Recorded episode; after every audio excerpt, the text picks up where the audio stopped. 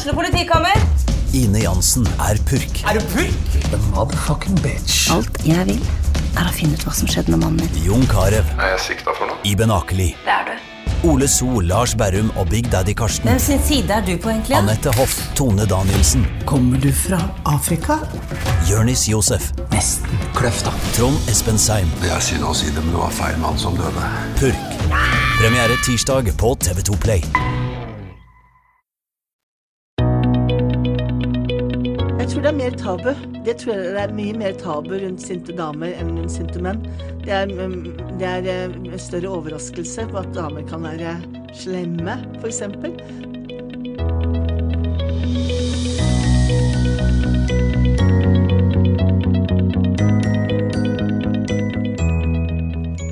Hei, og velkommen til TV-podden. Mitt navn er Marie Olavsen. I dag har vi besøk i studio av forfatter Gro Dale og illustratør Svein Nyhus. Velkommen hit til oss. Takk. I mange år har dere skrevet og tegnet bøker for barn som tar opp vanskelige temaer og tabubelagte temaer. Det dreier seg om omsorgssvikt på en eller annen måte. Denne uka kom boka 'Dragen'. Den handler om Lilly som alltid gruer seg til å komme hjem. Og Gro, hvorfor gruer hun seg til å komme hjem? Hun vet ikke helt hva som venter henne hjemme. Er mamma blid, eller er mamma sint? Er mamma sur? Har mamma sovet for lite? Har mamma spist for lite? Kanskje mamma kan bli oppfarende, sinna, uberegnelig? Eh, den følelsen av at man ikke vet helt hva som møter en. Det kan være en blid mamma, men den mammaen kan også være skikkelig skummel. Ja, jeg må jo si at Nå hopper jo Gro rett til en tolkning. Det er ikke noen mamma som venter hjemme. Det er en drage. Så kan man kanskje tolke det, da. Kanskje det er en mamma. Eller kanskje det er noen andre. Det er i hvert fall en drage. Det er helt sikkert. Ja, altså det er dragen som går igjen. Det er ikke noen mamma som bor i huset. Det er, det er dragen, egentlig. Men det er lett å tolke det som en mamma, da. En som passer på, en som er der. En voksen kanskje, eller en stor. Lilly er liten, dragen er stor. Og lager mat og ordner. Det er lett å få litt vondt i magen av å lese boka, faktisk. Jeg har lest den, og jeg tenkte Jeg tenkte at det var en mamma eh, ganske fort, men nå er jeg voksen. Men hvordan, eh, hvordan tenkte du, Svein, da du skulle tegne denne historien? Ja, jeg tenkte først at jeg måtte jeg, jeg fikk jo teksten til Gro, og der står det om en drage. Og jeg tenkte nei, dette er jo en mamma, altså Det er bare et symbol. Det er bare et bilde, et språklig bilde på en sint mamma. Tenkte jeg nå skal jeg tegne en mamma som ser litt drageaktig ut. Og da sier Gro nei, tegn en ordentlig drage. Og jeg tror barn, når de møter ting, de tenker ikke alltid på symbolikken og underliggende mening. De ser det som står, og det de ser. Det er en drage. Og da tegner jeg drage. Og det er jo sånn at barn leser og ser historier på overflatenivå. Eh, Det er først når de blir 10-11-12-13 år at de begynner å se bak og under.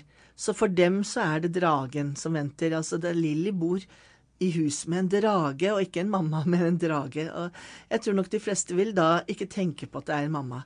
Men vi som er voksne, jeg tenker på det som en mamma. En uberegnelig mamma. Mens eh, barn leser et eventyr eh, på en måte om dragen som bor hjemme hos Lilly. Og det er litt spennende også. Altså, sånn sett er den historien mye skumlere for oss voksne enn det er for barn. For det er jo på en måte eventyr om dragen som bor hjemme. Det er liksom litt spennende også.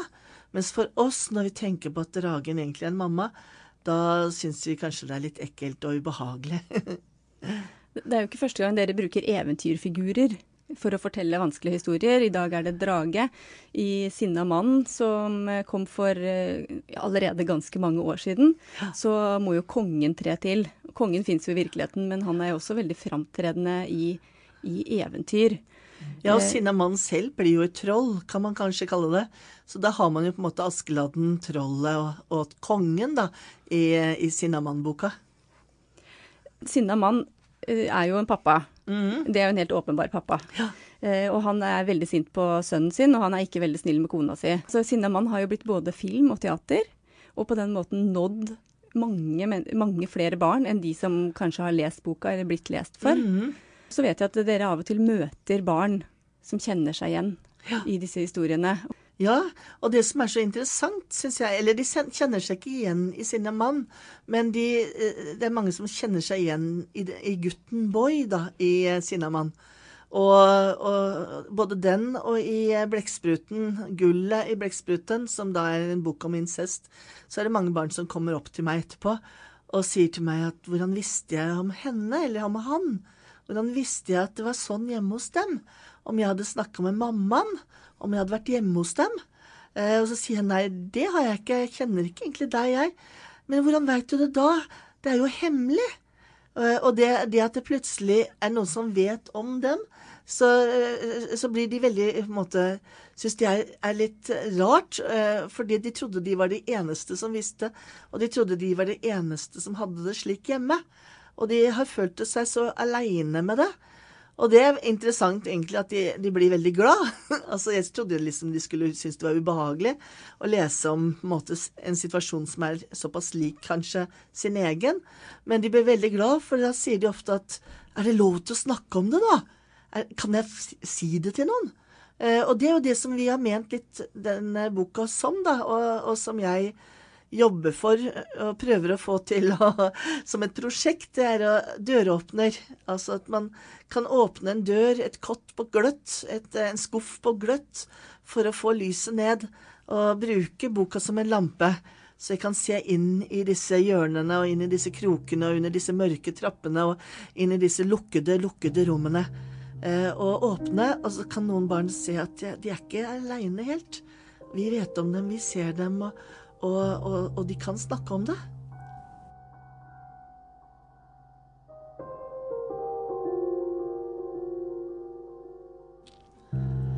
Var det en drage? Der borte. Over trærne? Se, Eline, hvisker Lilly. Det er en drage. For det er det. En drage. En stor en. Eline snur seg.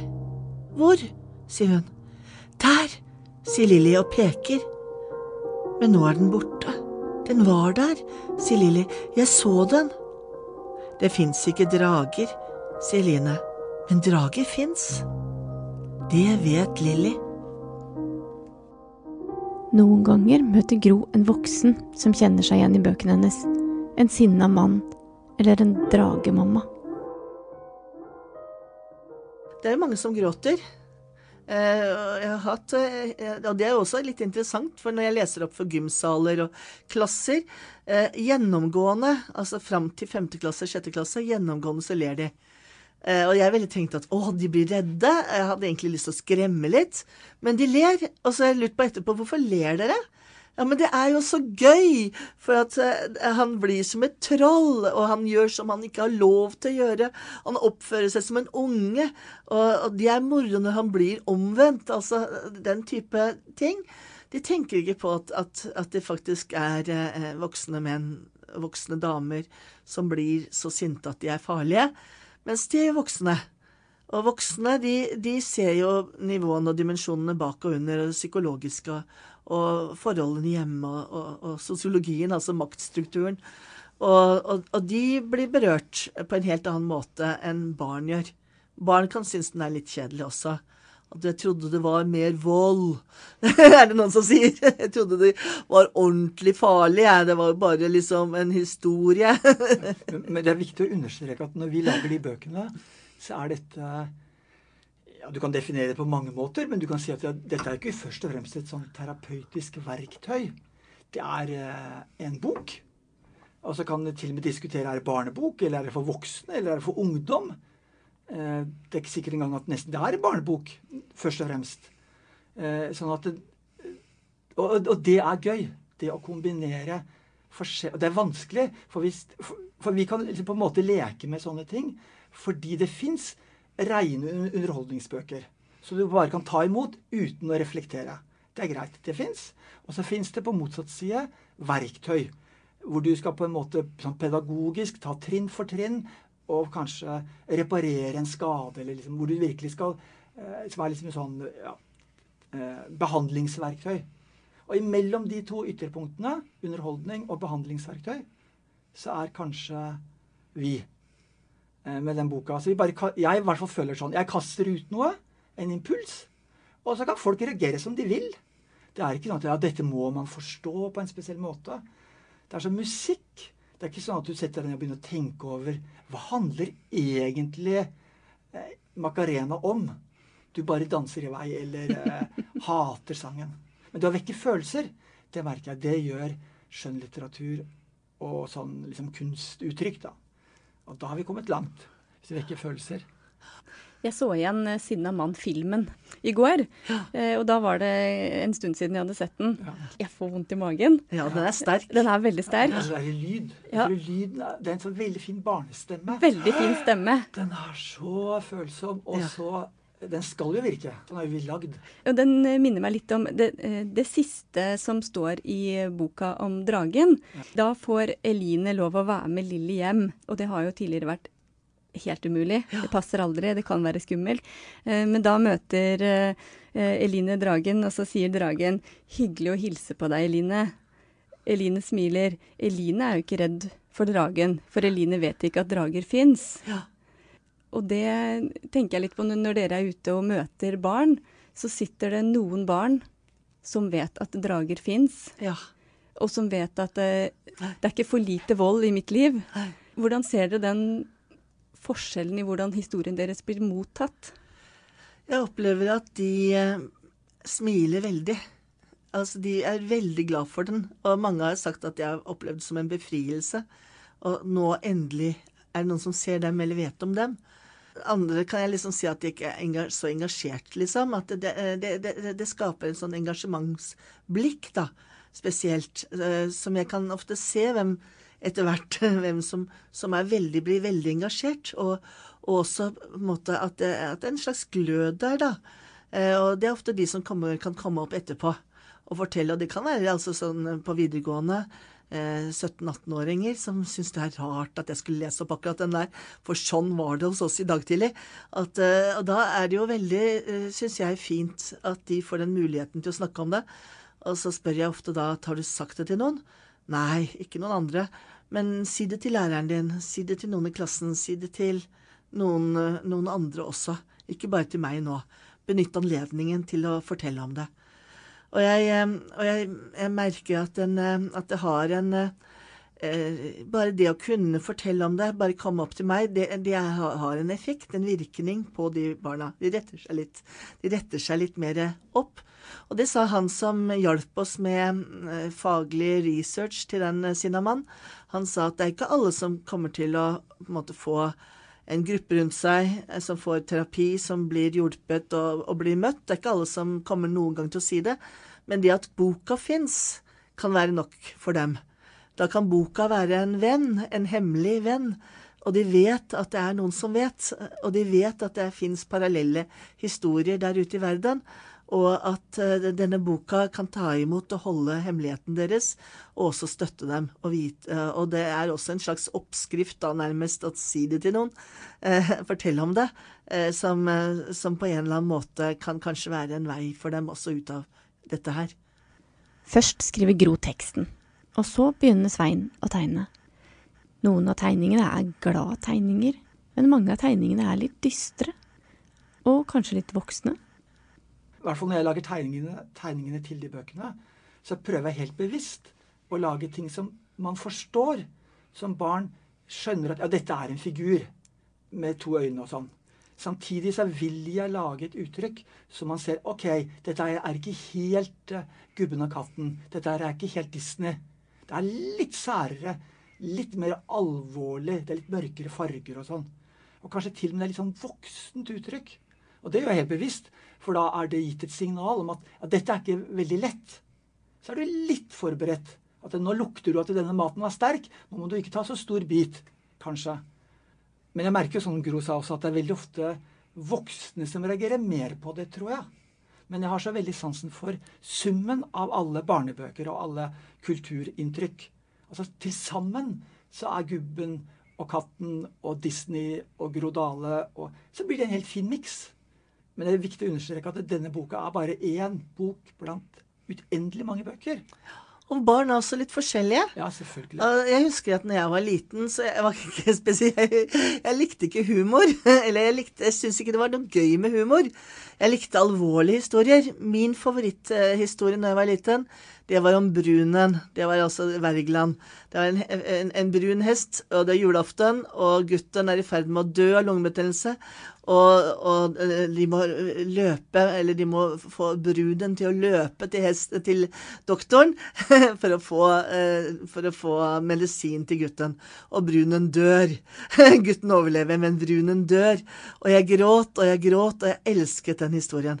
Noen barn liker eh, humor, noen barn liker action og spenning, og noen barn liker mørke. Ja, jeg, jeg, tror ikke bare noen, jeg tror de fleste. Mange, ja. Og det er sånn klassisk. Det er klart, triste historier.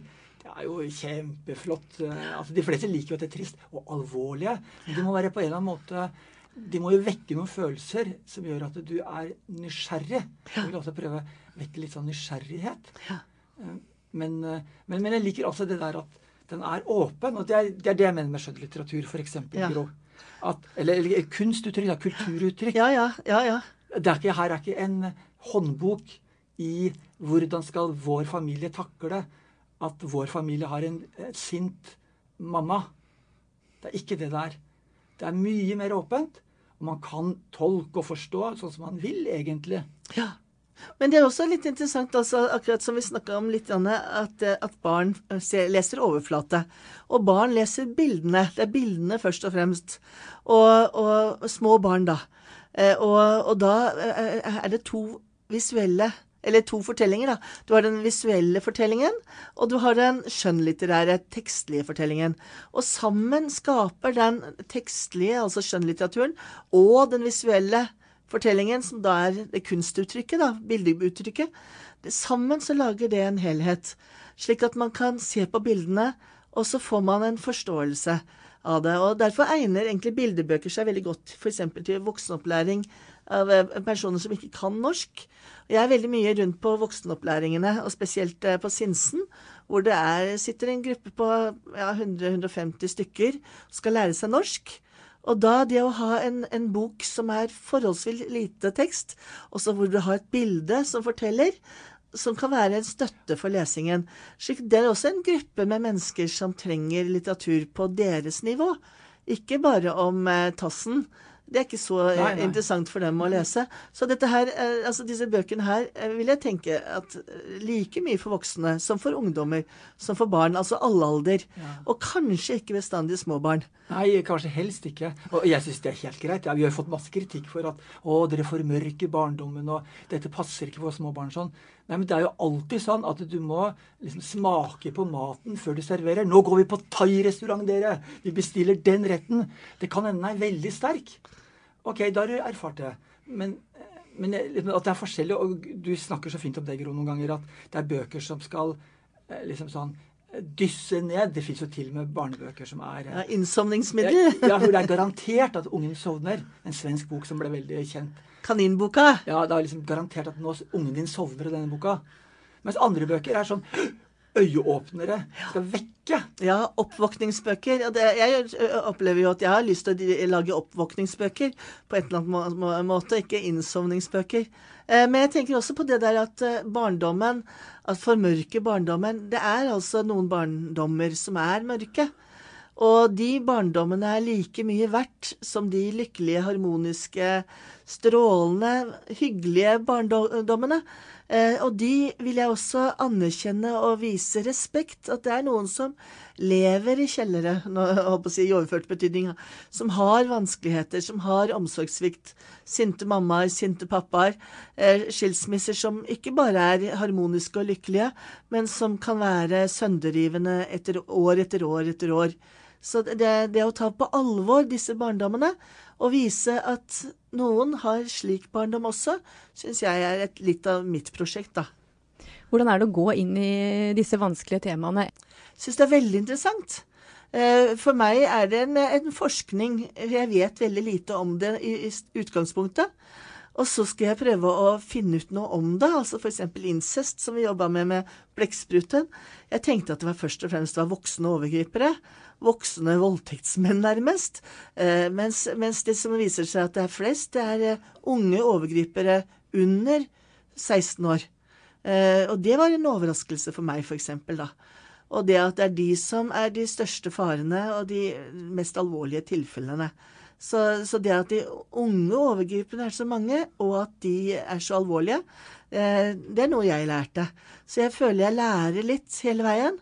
Og med, med denne her, eh, den dragen, da, da hadde jeg en rådgiver eh, med research og med faglig bakgrunn, Edna Kristine Schjelderup ved familievernkontoret i Sandefjord. Hun kunne hjelpe meg med å forstå hvordan er det å ha en uberegnelig mor. For jeg hadde en veldig beregnelig mor. En veldig trygg, eh, snill eh, mamma som passet på og var der, og som var stabil. Eh, men det å ha den uberegnelige mammaen, det oppleves på en helt annen måte. Og da måtte jeg vite hvordan, hvordan opplever barn det, og få barns egne sitater på det. Jeg opplever at når du da driver den researchen, som er helt kanskje overraskende stor, så er jo mye arbeid er jo nettopp å ta det nesten litt vekk. og Ta det ned. Ja, ja. Koke det ned. Sånn det, for, for, hvis man ikke gjør det Det merkelige er jo det at hvis man da forteller om virkeligheten helt sånn dokumentarisk, sånn som det er, lager en eh, opplysningsbrosjyre, så virker den ikke på følelsene. Den har en helt annen effekt. Ja. Så strengt tatt, hvis man skal liksom vekke folk, da, eller åpne dører, sånn som du sier, ja. så er det bedre å lage et kunstuttrykk enn å lage en tørr dokumentar. For den har ikke samme følelsesmessige virkning. Ja, og jeg tenker altså da i forhold til det å, øh, å bruke barns egne ord, da. Altså, hva, hva, for det, det, var, for meg var det ganske sjokkerende hva uberegnelige mødre kunne gjøre med barn. Uh, og det å gjøre det konkret ikke si at uh, nødvendigvis at uberegnelige mødre er farlige for barn, men vise det. Vise at de kaster maten på barnet sitt. Vise at de stenger dem inne og låser dem inne. Viser at de kan si stygge ting til dem. Eh, altså, og, og, at de hele tida spiller både på dårlig samvittighet og på, på, på, på, å nedsette selvtilliten deres. Altså det, Når barn forteller om det, og barna bruker deres ord, da blir det rett inn i magen på meg. Det er veldig, veldig sterk kost. Og jeg vil jo si at både dragen og sinnamann de, de, de, de, sier veldig mye De er veldig mye mildere enn hvordan eh, barn i disse situasjonene og familien har. Det er så vilt at det ikke engang er, er troverdig. Og jeg ville ikke klart å skrive troverdig om det. F.eks. i Sinnamann, om en gutt som jeg hørte om da, i det arbeidet, som da hadde ja, fire-fem brudd på hjerneskallen, en seks forskjellige brudd nedover i ryggraden. Alle armer og bein har vært brutt en eller to eller tre ganger. Vært innlåst med brukken rygg i en, et kott i tre døgn. Altså det, det, er så uvirkelig at det ikke er til å tro. Og det er, er for voldsomt til å kunne bruke som skjønnlitteratur. Så både Dragen og Sinnamann og Blekkspruten er ganske snille i forhold til hvordan det virkelig er der ute. Ja, men jeg tror alle som følger med på nyhetene, veit at sånn er det, egentlig. Jo, jo. Men, men, så tør man ikke tenke at nei, men det er i et annet sted. Det er sikkert i Tyrkia eller noe sånt. Det er ikke her. Selvfølgelig er det sånn her. Men det jeg syns er OK, Gro, som du har vært flink med altså, Personlig syns jeg kanskje de bøkene De er ikke noe perfekte. Jeg har i hvert fall ingen sånn eh, noen drøm om at dette skal bli noen bestselger. Jeg lager ikke dette for at det skal selge godt. Det julegave. Jeg, jeg sier ikke løp og kjøp. Nei. 'Kjøp boka mi, den er så fin, og den er så perfekt'. Nei, den er Det er bare en bok. Du kan låne den gratis hvis du vil. Du kan gjerne kjøpe den. Det er fint, det. Ja. Men det jeg syns har vært fint, er at det er en slags eh, Det åpner opp for samtaler. Det åpner opp for at man tør å ta i det. Eh, for det er jeg helt sikker på at man må ikke overdrive og snakke det i hjel. Altså, jo, gjerne snakke det i hjel. Men man må ikke overdrive og forsterke eh, frykten. Men det å bare våge å ta i problemene uh, og snakke om det, det tror jeg er uh, veldig sunt. Og vi kan til og med se uh, på, i vår lille bokhistorie Sinnamann kom i 2003. Den fikk ganske mye oppmerksomhet og ble veldig kritisert, for den var så skummel og sånn. Og også fikk mye skryt.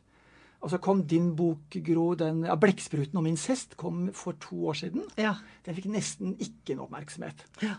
Eh, Og du lagde jo også en bok om porno. Ja. Og da var også forlaget veldig usikre. Og, og det er klart, de selger jo veldig. Det er lett å lage journalistisk stoff på det. Men den var så begrenset. Da var vi på ballen, Ja. alle sammen. den var ganske lite oppmerksomhet, egentlig. Det Nei, det var voldsomt mye. Jo, det men var, ikke, ikke sånn ja, I sånn Japan, da var det Jo. tre intervjuer i Japan, og så var det en fem intervjuer i Jo. Polen. Det var i Tyskland, det var i Belgia, det var i Nederland. Jo, men det er bare Det var- fordi det er så sært. Ikke altså, det Ja, ja, men om allikevel, det var veldig mye oppmerksomhet, da. Og det var så mye oppmerksomhet at jeg ble helt fullstendig utslitt. Men var det mer oppmerksomhet på det at du skrev om porno Ja. for barn, enn Ja. det at vi faktisk trenger en bok om porno for Ja, det var det, ingen, det var det ikke noe fokus på i det hele tatt. Nei, men det er det jeg prøver å si. At Ja. det er klart at det, og det, og det, det skjønner alle at det er liksom Å, nakne damer! Dette er gøy, og porno og barn, og det må jo bli gøy. Men egentlig så var det bare det. Det var ikke masse kritikk. Nei, men boka var jo veldig, veldig forsiktig. ja, på ja, mange jeg, jeg, jeg mener, Men det er det at man tar i temaet porno, Ja. at man rører ved tabuet. Men jeg mener bare at det har skjedd masse på de Ja da. 15 åra. Det er sant. Det er sant. Altså, vi har blitt mye mer Det er ikke så skummelt. Så jeg føler at din jobb, Gro, har vært dels å gå litt foran. Eh, liksom Sitte på laboratoriet sitt og kokkelert. Og så lage ting som er sånn ganske ok. Men det har gjort at andre kan fortsette å gjøre sine ting. Altså, du har, gjort et, du har utvida rommet. Jo, du og jeg, vi er sammen og jobba med dette her. Og det er så fantastisk med Norge. Det er at vi har en innkjøpsordning som Kulturrådet kjøper alle bøker av høy skjønnlitterær og, og si, bildemessig kunstnerisk kvalitet. Eh, og de kommer på alle bibliotekene våre. Så vi har en skattkiste av biblioteker hvor alle bøkene fins. Og det er jo så fantastisk at vi er så heldige. Det er et av de eneste landene i verden som har det slik. Og det gjør at man kan gi ut ikke-kommersielle bøker som har kunstnerisk verdi. Først en bok om sinna menn. Nå en bok om mødre som terroriserer barna sine. Har det manglet en bok om at også kvinner kan være tyranner? Jeg tror det er mer tabu. Det tror jeg det er mye mer tabu rundt sinte damer enn rundt sinte menn. Det er, mm, det er eh, en større overraskelse på at damer kan være slemme, f.eks. Damer og mammaer er jo snille av vesen. Alle mammaer er snille. Men sånn er det jo ikke helt. Og, og, og jeg, jeg, dette her var, det var behov for en bok om uberegnelige mammaer, eh, fikk jeg høre. Fordi at de kjente seg ikke igjen i eh, voldelige menn. De er sinte på en, og uberegnelige på en annen måte. Og negative, farlige på en annen, et annet vis. Mer psykologisk. Mer eh, underliggende terror. Som er, er skummelt, da. Lilly står helt stille. Det knirker i gulvet over henne. Lilly hører tyngden av skrittene og spenner nakken. Pusten sitter fast i halsen. Kanskje hun bare skal snu? Trekke seg forsiktig bort? Løpe ut døra? Men det er for seint nå, for dragen er i trappa, og dragen setter flammeblikket i henne. Hveser dragen og puster mørke ut i gangen, puster skygger over veggene.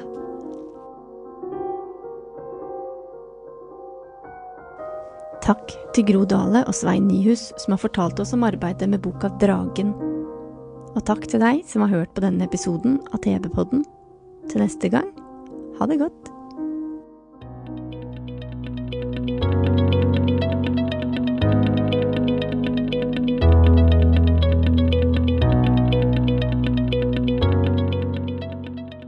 Hei, mitt navn er Sigmund Kydland. Jeg er ansvarlig redaktør i Tønsbergs Blad. Hører du på denne podkasten vår, så er du sikkert interessert i mer av vår journalistikk. Ønsker du å abonnere på saker som både gleder og engasjerer, så finner du alt du trenger på tb.no bestill. Velkommen til oss. Har du et enkeltpersonforetak eller en liten bedrift? Da er du sikkert lei av å høre meg snakke om hvor enkelt det er med kvitteringer og bilag i fiken, så vi eh, gir oss her, vi. Fordi vi liker enkelt. Fiken superenkelt regnskap.